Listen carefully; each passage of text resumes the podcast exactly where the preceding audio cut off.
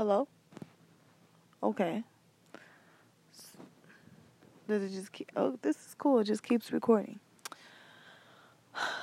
I'm trying to understand relationships. Like, what are relationships in our day and age?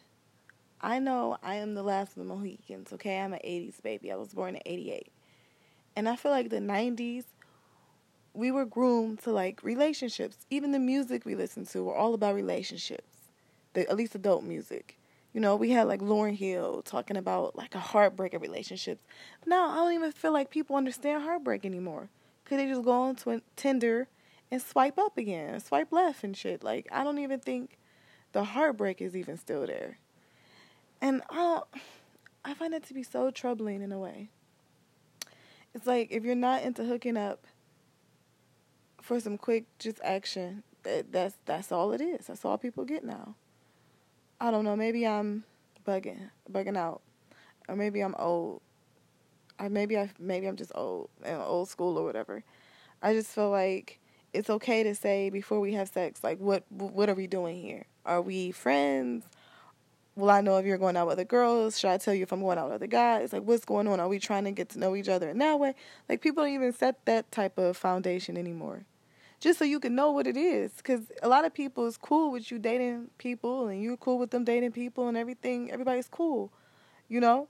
They just want to know what they're signing up for. Or am I signing up for just a hookup? Am I signing up for a friend, a long term friend, possibly with benefits? Like, let me know. People don't want to let people know what's going on anymore. And it, it, it's so frustrating, especially for women. I think, especially for black women, because, you know, this, this statistic, like over 40 something percent of us won't get married. It's like, is it hunting or freeing for some people? Because it's like everybody doesn't want to necessarily get married you know, the Erykah Badu setup will work for a lot of people, where you get like three dope baby daddies who have dope careers in them in their own right, and she's like a dope person in her own right, and then when they come together, they make like this unbelievably amazing family with these like unbelievable dope kids, right? Some people are cool with that, but some people, you know, want to get married. They want to have the Jay Z and Beyonce thing, which is cool, like, but you got to know what you're signing up for and I I don't I think that even that conversation makes people uncomfortable.